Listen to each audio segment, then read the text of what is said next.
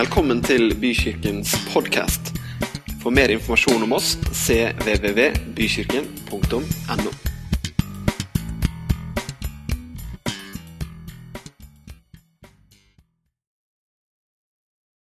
at eh, Det er vel tredje sesongen da, av Skam, NRK-serien som går på TV.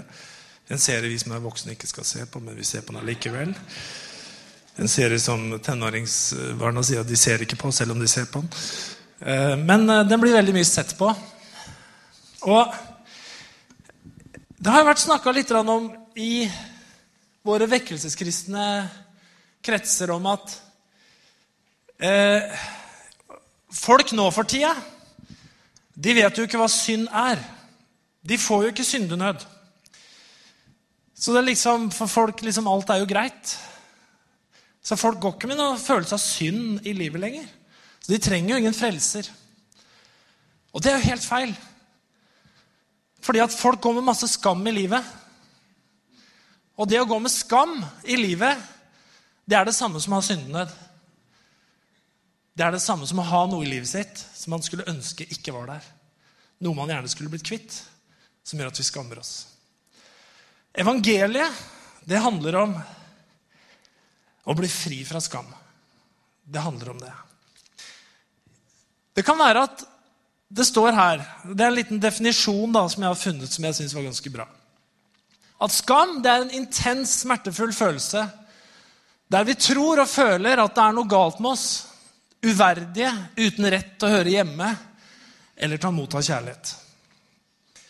Og jeg vet at jeg har følt skam i mitt liv mange ganger. Og jeg vet at du som sitter her, du har også følt skam i livet ditt mange ganger. Og det kan også være at du som er her i dag, føler det sånn akkurat nå. På ett eller kanskje flere områder i livet ditt. At det er noe gærent med deg. Du fikser ikke. Du fikser ikke livet sånn som du burde ha fiksa det. Og du er på en måte uverdig til å høre hjemme. Du er uverdig til å motta kjærlighet.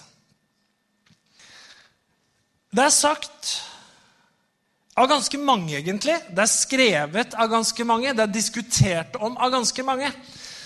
Det her at kirken og kristendommen det er det som påfører folk skam her i det samfunnet hvor vi lever. Og det kan jo være sant dersom troen og kristenlivet presenteres som noe annet enn det det egentlig er. Man snakker gjerne om bud og regler og tvangstrøyer. Og mange har snakka om det. Blir vi bare kvitt Kirken? Blir vi bare kvitt kristendommen? Den store landeplagen? Så kan vi være frie. Da er alt lov, og alt er akseptert, og alle er akseptert. Så da er det liksom Da skal det være godt å leve. En del mennesker har absolutt hatt det som agenda og som en sterk tro. Definer ditt eget liv. Du kan selv definere hva som er rett og galt. Vær deg selv fri og ubunden av tradisjoner og religiøse åk, og kjenn ingen skam. Men er det så enkelt? Er det det som er svaret for å kvitte seg med skam? For det viser seg jo allikevel at selv om et samfunn blir gjennomsekularisert, altså uten Gud, så fins skammen der allikevel. Som f.eks. er aktualisert gjennom den serien som har gått sin seiersgang på NRK og i mange andre land ganske lenge. Den forteller noe, en historie om en del ungdommer som gjør forskjellige valg. Og så er det noe av den overskriften som er over det hele skam og kampen med den. Og så viser det seg da allikevel at skam det har eksistert til alle tider, i alle kulturer, i alle nasjoner. Uansett om de har vært kristne eller ikke kristne, så har skam alltid eksistert overalt hvor mennesker har levd. Så det har ikke direkte noe med kristendom å gjøre, det har ikke direkte noe med kirke å gjøre. Det har ikke noe direkte med Guds bud å gjøre, faktisk. Det har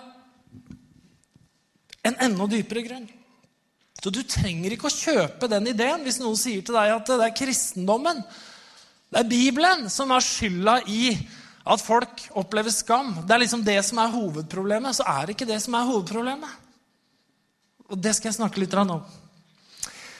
Det har litt dypere årsaker. Og så vidt vi vet, og det vet vi, så finnes det bare én eneste helt vellykka kur for å kurere skam. Og det heter evangeliet. Det heter evangeliet. Det er den eneste kuren.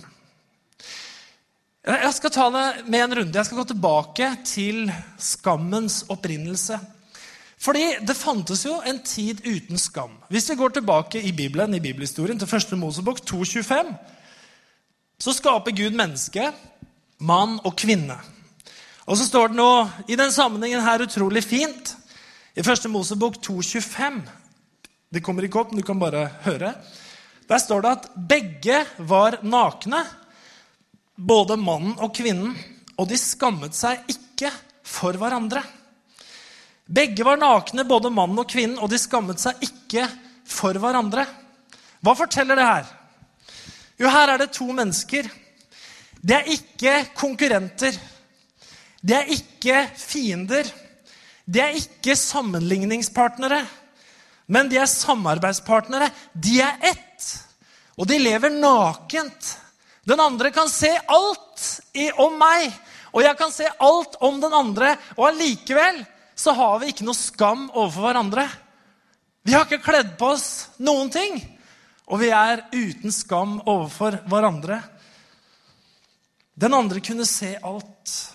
De kunne leve nakent overfor hverandre. Men så skjer det noe.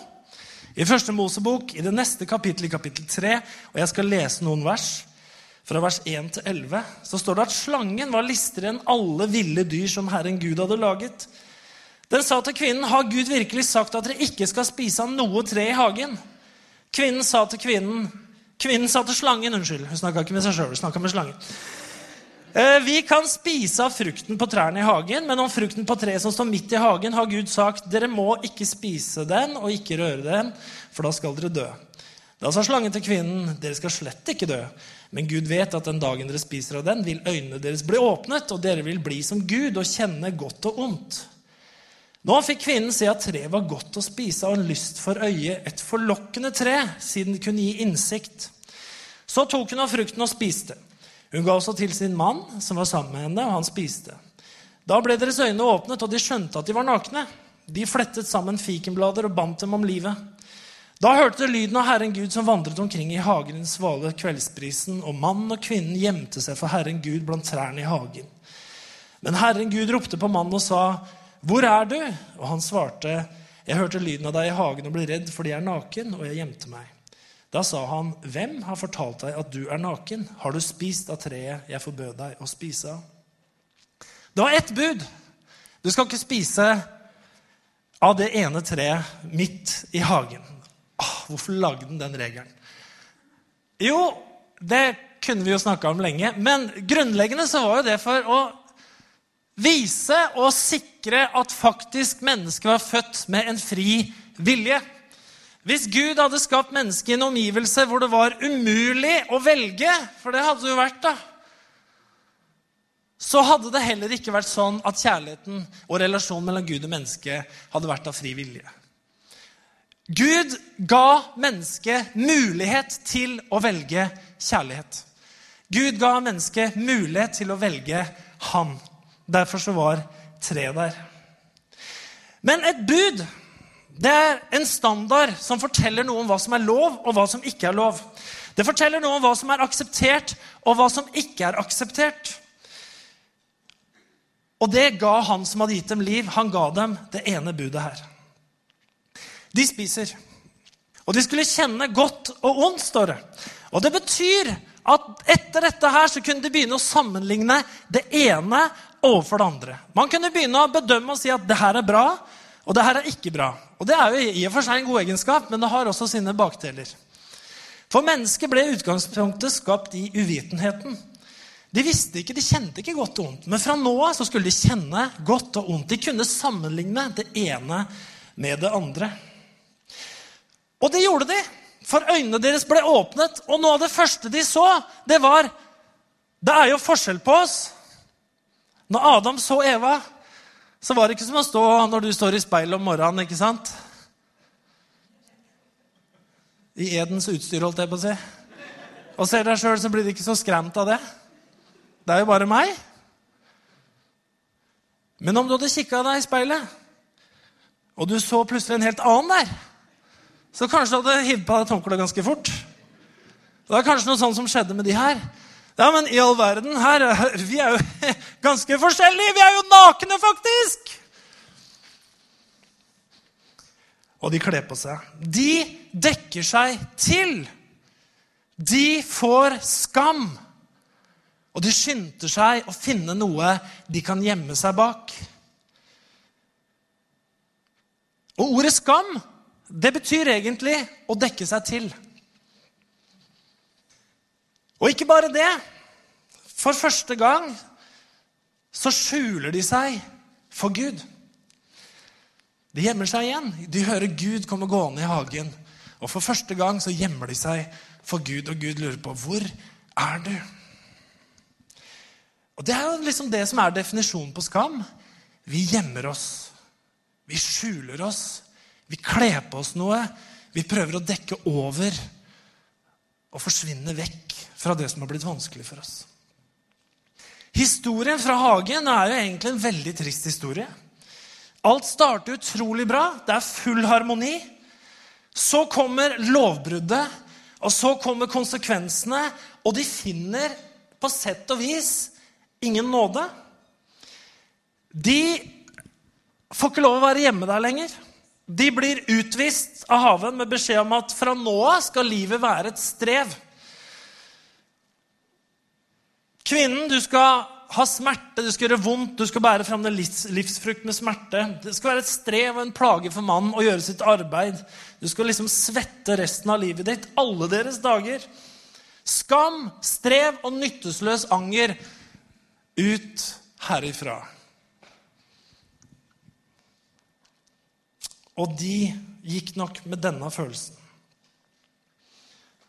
I skammens historie gjennom Bibelen så kan vi si at Gamletestamentet på sett og vis Det er ikke hele historien, men på sett og vis kan vi si at Det gamle testamentet er full av skam.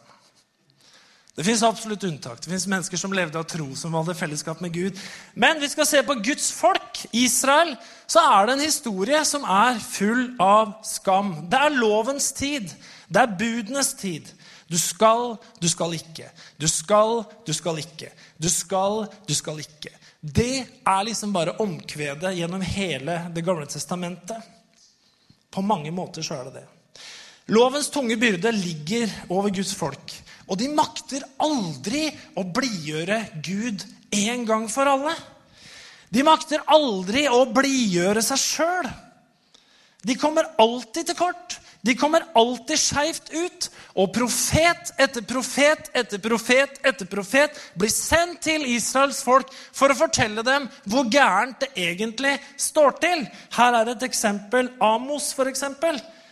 I det andre kapitlet Dette her er litt sånn typisk. ikke sant? Så sier Herren tre ugjerninger av Juda, ja, fire. Jeg holder ikke tilbake. De har foraktet Herrens lov. De holdt ikke hans forskrifter. Løgn førte dem vill, løgner som fedrene fulgte. Jeg sender ild mot Juda. Den skal fortære Jerusalems borgere. Så sier Herren, tre gjerninger av Israel, ja, fire, jeg holder ikke tilbake. For de selger den rettferdige for penger, den fattige for et par sandaler. De tramper de svakes hode ned i støvet. De trenger hjelpeløse bort fra veien. Og en mann og hans far går til samme jente, så mitt hellige navn blir vanhelliget. Det er så mye synd her. Det er så mye dere ikke klarer å holde. Det er så mange bud dere bryter. Det er så mye dere skulle ha gjort, som dere ikke gjør. Åh. Folket er dømt nedenom og hjem. Men da var det jo veldig dumt, tenker mange da, at Gud ga så mange regler og bud å holde. Kunne ikke bare latt være, da, og sagt eh, Gjør som dere vil. Jeg kommer aldri til å bli sur. Men nå var det sånn at Gud han ga loven til Moses. Og Moses han ga loven til folket. Og det Gud gir, det er godt. Men altså hadde det ikke vært noe lov, så hadde det ikke vært noe dom. ikke sant? Det er sånn mange tenker. Hadde det ikke vært noe lov, hadde det ikke vært noe dom. Så det er dumt å gi en lov. Uten lov hadde det ikke vært noe skam. Det hadde ikke vært noe å skamme seg over. ikke sant? Hvis det ikke, hvis det ikke var noe som heter 'du skal ikke stjele', så kunne jo alle stjålet. Så hadde det ikke vært gærent å stjele. Det hadde ikke vært noe å straffe det for, siden det var lov å stjele. Det, en av gutta mine har sagt det til meg en gang, noen ganger. 'Pappa, hvorfor er det ikke sånn at alt i verden kunne vært gratis?' Altså, Da mener jeg alt. Hvis ingen skulle ha lønn, og ingen skulle ha betalt, og alt var gratis, det hadde vært perfekt. Høres ut som den råkommunisten. Men uh, Ja, men åssen hadde det vært, da, jeg? Hvis det er én som ikke gadd å gjøre den lille greia han skulle gjøre, så du kunne få det gratis, skulle han fått gratis av deg likevel, da? Ja, Det hadde vært litt dumt, det, da. Men uh, utrolig tro på det gode i mennesket, og det er jo fint. Uh, men hadde det vært løsningen, da? At det ikke var noe lov? At det var lovløst? Men saken er at å gi lover det kunne aldri frelse mennesket, og Gud visste det. Gud visste det. Derfor så hadde Gud en annen plan. Guds endemål med sin frelsesplan det var faktisk ikke å få oss mennesker dømt. Guds endemål med sin frelsesplan var ikke å få oss mennesker dømt. Men det var å sørge for at vi mennesker skulle komme løs fra det som kalles for lovens forbannelse, og bli frelst. Åssen gjorde den det? Fordi at det er en forbannelse, det med lov. Lovens forbannelse. Bibelen bruker det uttrykket. Lovens forbannelse. Og jeg skal komme til han snart. Men Luther han oppdaga at det var noe her som skapte reformasjonen. Når han leste Galaterbrevet, så leste han i kapittel 3, vers 10-14 blant annet. Og han skriver det her. Paulus, altså. Men de som holder seg til lovgjerninger, er under forbannelse. For det står skrevet Forbannet er hver den som ikke holder fast ved alt som står i lovboken, og gjør det den sier. For det er klart at ingen blir rettferdig for Gud ved loven, for det står skrevet den rettferdige skal leve ved tro. Loven spør ikke etter tro, men den sier den som lever etter budene, skal ha liv ved dem. Men Kristus kjøpte oss fri fra lovens forbannelse da, da han kom under forbannelse for vår skyld. For det står skrevet, 'Forbannet er hver den som henger på et tre'. Slik skulle Abrahams velsignelse komme til folkeslagene i Kristus Jesus, så vi ved troen skulle få ånden som det var gitt løfte om. Yes. Lovgjerninger. Det handler om å oppnå et ideal. ikke sant? Her er det perfekte. Du skal ikke begjære. Du skal ikke. Du skal ikke. ikke sant? Det er liksom målet. Du som holder deg til lovgjerninger, du prøver å oppnå det idealet. ikke sant? Men hva skjer? Du kommer under forbannelse. Lovens forbannelse. Hvorfor? For du klarer det ikke.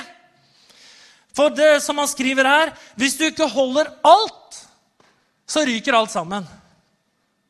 Det er som en bil. ikke sant? En bil har kanskje 6000-7000 deler.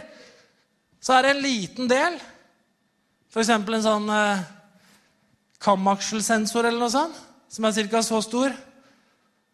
Hvis den kutter ut, så får ikke du kjørt bil. vet du. Starter ikke. Det holder med en liten del. Det hjelper ikke om du har 6000 deler. Hvis batteriet ditt ikke virker, så får du ikke starta. Sånn er det med, med det her med loven òg. Hvis du holder hele loven og du bryter ett bud, så er løpet kjørt. Sorry. Da er du ferdig. Ja, men jeg har liksom kjørt lovlydig nå i 99,9 Så jeg har holdt fartsgrensa altså 99,9% og så blir jeg tatt akkurat nå når jeg ligger 20 km over. Hjelper ikke det? Det er ikke noe nåde der. Det er lovens forbannelse. Du blir ikke rettferdig, du blir ikke bra nok, du får ikke fred, du blir ikke kvitt skammen ved å prøve å oppnå et ideal. Du ender opp som mislykka. Men Gud hadde en annen plan, som kalles for nåde og tilgivelse. Gud spør nemlig ikke om du har klart det, men han spør tror du. Han spør etter fellesskap med seg. Han spør etter anerkjennelse av det Jesus har gjort på korset. I Kristus skal vi leve i nåde og tilgivelse i relasjon til Han og ikke til bud og regler. Når Jesus kommer på banen, sånn når han ble født, når han begynner å vandre rundt i Judea, så fins det utrolig mange idealer i det jødiske samfunnet. De hadde Moseloven, og i tillegg så hadde de det de kalte for Talmud. Altså alt det de skriftlærde, alt det alle rabbiene hadde sagt opp gjennom tidene som de skulle gjøre. Det var enormt mange bud og regler. Ikke bare Moseloven, men også en hel haug med andre. Og Når Jesus kommer, så bryter jo han masse det i hytt og gevær. Altså de som jeg kaller for tradisjoner. Og han kaller det for menneskebud, sier han. Menneskelige tradisjoner. Og han blir en opprører. Han bryter kraftig med de idealene. Og Et kjent sitat av Jesus en tid er der at bokstaven slår i hjel, men ånden gjør levende. Jesus kaller det for dødt. Han kaller det for blindhet. Han sier at dere er som blinde som leder blinde. Dere er som ledere som lesser tunge byrder på folket, ikke sant? og dere er ikke i stand til å bære dem sjøl engang. Men dere holder på, dere lesser på, lesser på, lesser på. Det ser så bra ut, men det er så feil. Mens den første menigheten de oppdager hva Jesus har gjort. De lever i det her. Og vet du hva? evangeliet sprer seg men som en ildbrann over hele Europa og videre utover verden. Og det var ikke fordi det var ikke fordi at eh, det var noen som var så utrolig gode til å overtale folk. Jeg tror det var fordi de opplevde virkelig friheten i Jesus Kristus. De fikk virkelig kontakt med Gud. De fikk virkelig oppleve Guds kjærlighet. Men sakte, men sikkert så tar makta over. Og ånden og kjærligheten den blir satt ut på sidelinja. Og kirken er etter hvert tilbake der hvor fariseerne og de skriftlærde var da Jesus kommer. De lesser tunge byrder på folket. Så kommer det en prest som heter Martin Luther, som gjorde alt det som kirken han sa han skulle gjøre for å få fred med Gud. Men han får ikke fred med Gud. Han blir ikke kvitt skammen, han blir ikke kvitt skylda i livet sitt. Uansett om man betaler avlat, uansett om man bekjenner sine synder, uansett om man reiser på pilegrimsreiser, uansett om man klatrer opp hellige trapper i Roma, så blir han ikke kvitt skammen og skylda i livet sitt. Han får ikke fred med Gud. Angsten og skammen er der alltid. Uansett hva han gjør, så er det en klam hånd over hjertet hans. Og Han levde i en prestasjonsreligion og han levde i en prestasjonskirke. Og det han gjorde som kristen, betød så utrolig mye mer enn det Jesus hadde gjort for ham på korset. Til slutt så fant Martin Luther fred. Han slutta å følge mange av de såkalt frelsende idealene. Det ble slutt på det. Og så fant han ut at det eneste som kan frelse meg, det er troen og nåden alene. Så blir de stående igjen da, i reformasjonen, de her fem solaene Sola scriptura, Skriften alene. Sola fide, troen alene. Solo Kristus, Kristus alene. Og solo deo gloria. Gud alene skal ha æren, ikke jeg. Løsningen på å fjerne skammen det var ikke å forkaste Bibelen, det var ikke å forkaste Guds ord. Men det var å finne det egentlige budskapet, evangeliet. Nåde, tilgivelse og kjærlighet og der kan du bære frukt og blomstre som menneske. I vår moderne tid, hvis vi skal snakke om skam nå, så kanskje vi på en måte, og det kan vi, kan vi sitere Paulus når han sier at uh, i Efeserne 4,19.: De har mistet all følelse av skam, og de overgir seg selv til å være vise og gjøre alle mulige ting uten hemninger. Litt parafrasert. Min og historiens påstand er det her. Når, kirke, når kirker slutter å formidle nåde og tilgivelse og kjærlighet og helbredelse, så blir den forandra til et sånt undertrykkende religiøst system som egentlig ingen vil ha. Folk blir skamfulle istedenfor frimodige. De blir bundet istedenfor frie. ikke sant? Og Det er ikke noe attraktivt, for det er ikke det vi er skapt til å leve i. Vi er skapt til å leve i frihet. Ikke sant? Det blir sånn knebla istedenfor å bli satt fri. Og en sånn kirke vil folk gjerne kvitte seg med, for den gir ikke noen ting. Og vi har hatt en sånn tid. ikke sant? Hvis, bare min levetid så ser jeg liksom det prosjektet mange har hatt. med La oss kvitte oss med kirken, la oss kvitte oss med kristendom. La oss, la oss få det ut, for det påfører oss skam. ikke sant? Jeg leste et intervju rundt det jeg lagde den preken her. Et intervju i Aftenposten her fra 2009 hvor jeg mente det at det er jo overgrep å ta med barn til kirken. ikke sant? For de kommer jo til å bli knuga og fulle av skam. Da har man ikke skjønt hva evangeliet handler om i det hele tatt. Og så er det innmari interessant da, at selv om man får til det da, Selv om man vokser opp som ung i dag og ikke vet hvem Jesus er omtrent, og hvem Paulus er, eller har lest noe i Bibelen og ikke kan Fader vår, så lever man allikevel med skam i livet, da. For det har egentlig ikke noe med det å gjøre. Den lever faktisk i beste velgående, skammen, i vår rike befolkning som kanskje definerer seg som ateister, veldig mange. Skammen er der i beste velgående. Det var jo sånn i ørkenen når Moses gikk opp på fjellet og fikk buda ifra Gud. Så ville jo ikke folk ha de. Så de forkasta det. De forkasta Gud, de forkasta de buda som Moses kom med. Men vet du hva? De ble jo ikke stående i et vakuum. Det første de gjorde, det var å lage seg en ny gud. Det var å lage seg en gullkalv. ikke sant? Så når det ene føyk ut, så kom det jo en ny gud inn med en gang. Og det er jo det som skjer. Altså, Folk kan jo forkaste Gud, men det første man gjør, det er jo å plassere noe annet isteden. En annen gud, som var gullkalven. Nå fikk ikke gullkalven leve så lenge, men om den hadde fått lov å eksistere ganske lenge, så kan du regne med at den gullkalven hadde produsert ganske mange lover og standarder og ting man skulle holde der også. Ikke sant? Og sånn er det jo i dagens samfunn nå, i den verden vi lever i. Om man kaller seg ateist, og man kaller seg det ene og det andre og vil forkaste alt som har med Gud og kirke og Bibel og alt å gjøre, så plasserer man jo noe annet inn med en gang som også har med seg idealer og bud og regler og ting man skal holde for å være vellykka, for å være frelst. Det er sånn det skjer. Du kan jo si at Martin Luther levde i en sånn prestasjonskirke. En sorteringskirke. Men vi lever i et prestasjonssamfunn. Og det handler ikke nødvendigvis om å prestere opp i forhold til Guds ti bud, men det handler om å prestere kanskje i forhold til helt andre ting, som er gullkalven. Folk i dag, selv om de skulle definere seg som ateister, de er ikke fri fra loven. De har faktisk en hel haug med lover de prøver å oppfylle hver eneste dag. Det var en TV-serie som gikk for et par år siden som helt, helt, helt perfekt. Hvor det var programlederen som bestemte seg for å, hva skjer hvis jeg prøver å følge alle de råda som blir gitt hele tida for å ha et vellykka liv. For å ha et godt liv. Og det handla jo om alt fra indre til ytre greier. ikke sant? Med trening, mat, kosthold, spiritualitet osv. osv.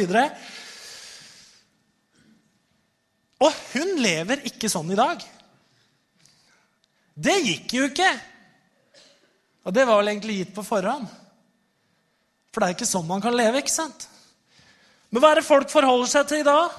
Om man har forkasta Gud? Jo, loven sier at du må ha en vellykka karriere. Loven som sier at du er stygg og mislykka. Om du er for tykk, har uren hud, har for liten rumpe, for stor rumpe, for små pupper, for store pupper.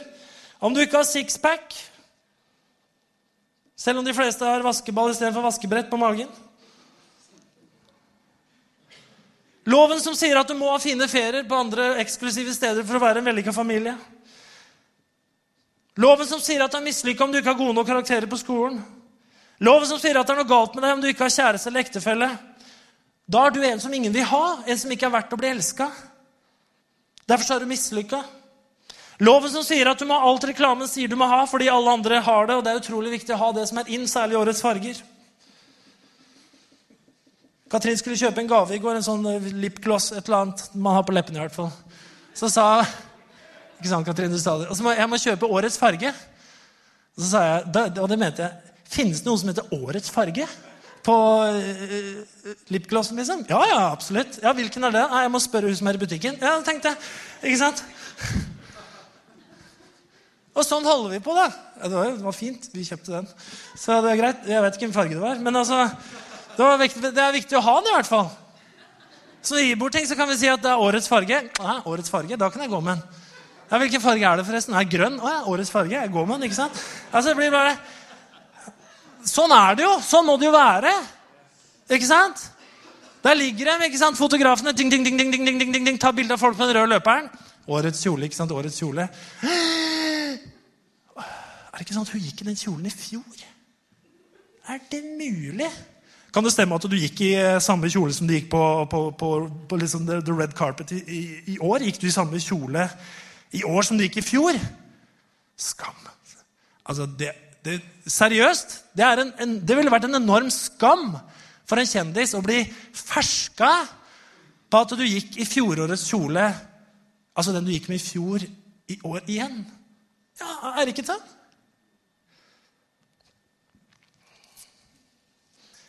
Og enda mer alvorlig loven som sier at en såkalt vellykket familie, fin og velfungerende, den leveres bare i A4-format. Så vi fjerner gjerne de som er litt annerledes, før de får sjansen til å bli født. Hvis ikke så oppfyller vi ikke loven om hvordan ting skal være. Eller loven som sier det at vi velger bare å få fram én. For vi hadde tenkt oss ett barn. Og så viser det seg at det er to der inne som er helt friske. Men nå har heldigvis regjeringa lagt til rette for det, sånn at vi kan fjerne den ene selv om begge er helt friske. Sånn at det ikke står i veien for oss. Tilfelle vi må kjøpe et større hus som ligger i et strøk som er dårlig, hvor vi ikke har lyst til å bo, hvor det er billigere med så store hus. Tenk hvor slitsomt det kan bli med ekstra mennesker. Og i alt det her så lever vi moderne mennesker som har blitt så frigjort fra den undertrykkende guden som ga oss de ti bud. Vi har bare bytta ut enkelte bud med andre. Og det eneste vi ser, det er oss selv mens vi speiler oss i alle idealene som pumpes inn på alle mediekanaler hele døgnet, hele tida. Det er ikke pause å få. Det messes hele tida. Du skal, du skal ikke. Du skal, du skal ikke.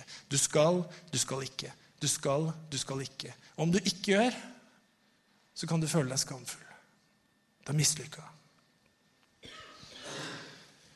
Dagens unge er flinkere enn flinke, men mange av dem kommer ikke fram. De presterer utrolig bra på skolen. De gjør alle leksene. De trener fem dager i uka. De har siste mokteklær. De er hyggelige og greie. Men de kjenner seg mislykka. Fordi de når ikke helt opp. De feiler. Feiler på å nå idealene sine. Vi feiler på å nå idealene som vi ofte setter oss. Og så går vi og bærer på skam. Det er den virkeligheten vi lever i da. Skammen er ikke borte. Syndenøden, syndesmerten, er ikke borte. Det er bare retta på feil ting. Det er vår virkelighet. Mens i andre deler av verden så er det andre ting som skammen er knytta til. Ting som gjør at man kan drepe familiemedlemmer fordi at man har vært skam over slekta. Ikke sant? Den fins der. Virkeligheten er imidlertid Lover og loven kom ikke for å frelse oss. Den kom egentlig for å vise oss hvor store egoister vi er. Hvor store syndere vi er. Vi fikk et speil å speile oss i, og vi fant ut at vi var full av feil. Men det her er det rare. Egoisten i oss, vi finner faktisk en viss attraksjon i å oppfylle bud og regler og lover og idealer. Fordi det er jo så deilig å komme på førsteplass!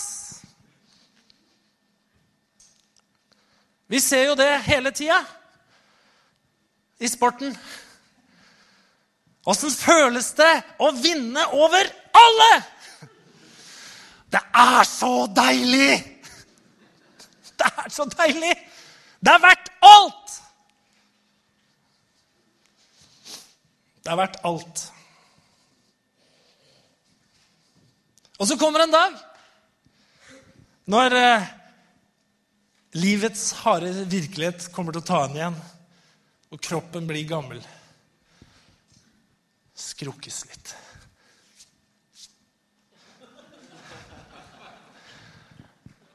Og så går det ikke lenger å vinne der du vant før. Åssen er det nå? Ja, det var deilig å leve, ass. Husker hvor fint det var. Men nå, da?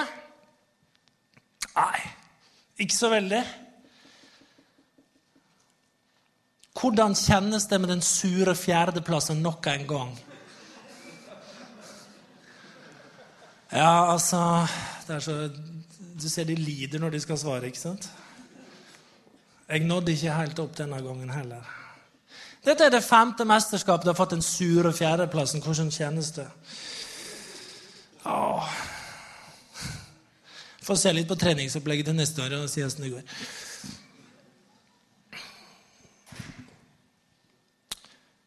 Loven fikk oss til å speile oss i idealer vi aldri helt kunne nå opp til, for å skape selverkjennelse i oss. Jeg kan ikke frelse meg sjøl. Og jeg kan ikke frelse meg sjøl fra skammen som følger med med å ikke få det til. Jeg trenger en frelser. Jeg trenger en som gjør ting på en annen måte, ut fra et annet prinsipp. Derfor så skriver Paulus om det her i Romerne 5, 20-21. Loven kom til for at fallet skulle bli stort. Og det var vellykka. Det var hele vitsen. Loven kom til for at fallet skulle bli stort. Men Det er et stort men her, altså. Der synden ble stor, ble nåden enda større. For slik som synden hersket gjennom døden, skal nåden herske gjennom rettferdigheten og gi evig liv ved Jesus Kristus. Det skulle vise seg at vi hadde behov for noe annet å speile oss i enn lover og idealer og regler. Han heter Jesus. Og Paulus skriver i 2. Korinterne 3,18.: Men vi som med utildekket ansikt ser Herrens herlighet som i et speil, vi blir alle forvandlet til det samme bildet, fra herlighet til herlighet, som av Herrens ånd. Fantastisk. Før så hadde vi en bok med bokstaver og lover og regler å forholde oss til, og idealer. Nå har vi fått en som heter mannen fra Nasaret, å forholde oss til. Han skal vi snakke med. Han skal vi være sammen med, og han gir nåde. Sannheten er fortsatt denne her, at vi mennesker er egoister. Og vi finner fortsatt attraksjon i å oppnå idealer, pine oss til prestasjoner, seire over andre, seire over oss sjøl. Og Kutter vi ut Buddha, Buda, kutter vi ut Gud, kutter vi ut Bibelen, så lager vi fort nok nye idealer. Vi lager en gullkalv. Men før eller siden så glipper det for oss. Så kommer skammen. Før eller siden så makter vi ikke å løfte våre 100 kilo. Fordi vi er forgjengelige. Hva trenger vi da? Da trenger vi evangeliet. Jeg kan få lovsangerne opp. jeg. Det hadde vært veldig fint. Så kan dere begynne å spille litt. Vi trenger evangeliet. Og evangeliet, det er det enkle budskapet her. Dette som Jesus sa. Kom til meg, alle dere som strever og bærer tunge byrder, og jeg vil gi dere hvile. Ta mitt åk på dere og lær av meg, for jeg er mild og ydmyk av hjerte, så skal dere finne hvile for deres sjel. Kom til meg, alle dere som strever og bærer tunge byrder. Vet du hva, Det gjør vi alle sammen innimellom. Og vi trenger å bli påminnet om det her. Fordi at vi begynner å leve etter det som alt rundt oss forteller oss. Som skal fortelle oss om hva, vi, hva som gjør oss mislykka eller vellykka. Og så er det bare ikke sant. Vi skal ta oss og reise oss opp. De kan begynne å spille. Skal vi be litt sammen? helt til slutt her.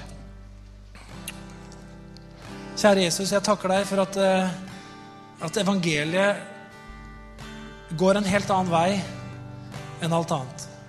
Jeg takker deg for evangeliet, Herre. Det handler ikke om annet enn at vi får lov å ta imot nåde fra deg. At det er greit. Det er greit å komme sånn som vi er. Takk, Herre. Jeg har lyst til bare til slutt her, fordi jeg tror at det går an å være litt konkret med det her. Og jeg er helt sikker på, for jeg har vært i en situasjon mange ganger sjøl, jeg er helt sikker på at du står i denne salen i formiddag, og så har du skam på områder i livet ditt. Områder hvor du føler at du ikke når opp. Områder hvor du føler at du mislykkes. Kanskje valg du har gjort som du tenker at det burde aldri ha gjort, og nå må jeg bære konsekvensene resten av livet. Områder som kanskje er veldig såre for deg å snakke om fordi at du har en skam der. Punkt nummer én. Alle mennesker gjør feil. Jeg gjør feil. Jeg kommer til å gjøre feil. Du gjør feil. Du kommer til å gjøre feil. Det er en del av livet. Det må du på en måte bare innfinne deg med. Jeg sier ikke at du ikke skal gjøre ditt beste, men det går gærent for oss noen ganger. Sånn er det. Det er det ene. Det andre er at du må ta imot Guds tilgivelse. Du må ta imot nåde. Og så se framover. Se på Han. Ikke se på feila dine. Ikke se på det som har gått gærent, men begynn å se på Han. Og takk Han for tilgivelse. Og Han ønsker å gi deg det du trenger, og det er å kjenne kjærlighet. Det er greit å gå videre. For det siste verset jeg skal lese, det er det her. Vi fikk nemlig et nytt bud. Et nytt bud gir jeg dere, sa Jesus i Johannes 13, 34. Dere skal elske hverandre. Som jeg har elsket dere, skal også dere elske hverandre. Det er det budet som Gud gir. Det er elske de neste. Elske hverandre. Akkurat der du står nå, mens vi synger, så kanskje du er på et sånt punkt hvor du faktisk skal ta et oppgjør med et område eller flere i livet ditt hvor du kjenner skam, og gi det til Gud. Si, 'Herre, tilgi meg'. Og det kan også være at du også skal si, 'Herre, tilgi meg for at jeg har båret på dette her i livet mitt' og satt opp det som et ideal som var så viktig. La Gud få slippe til i livet ditt, akkurat der du står nå. Vi skal ikke holde på lenge videre nå, for tida går. Men ta det og vær konkret for Herren og se at du gir det til Herren mens vi står og synger denne siste sangen. Og så går du videre med oppreist hode. I Jesu navn. Amen.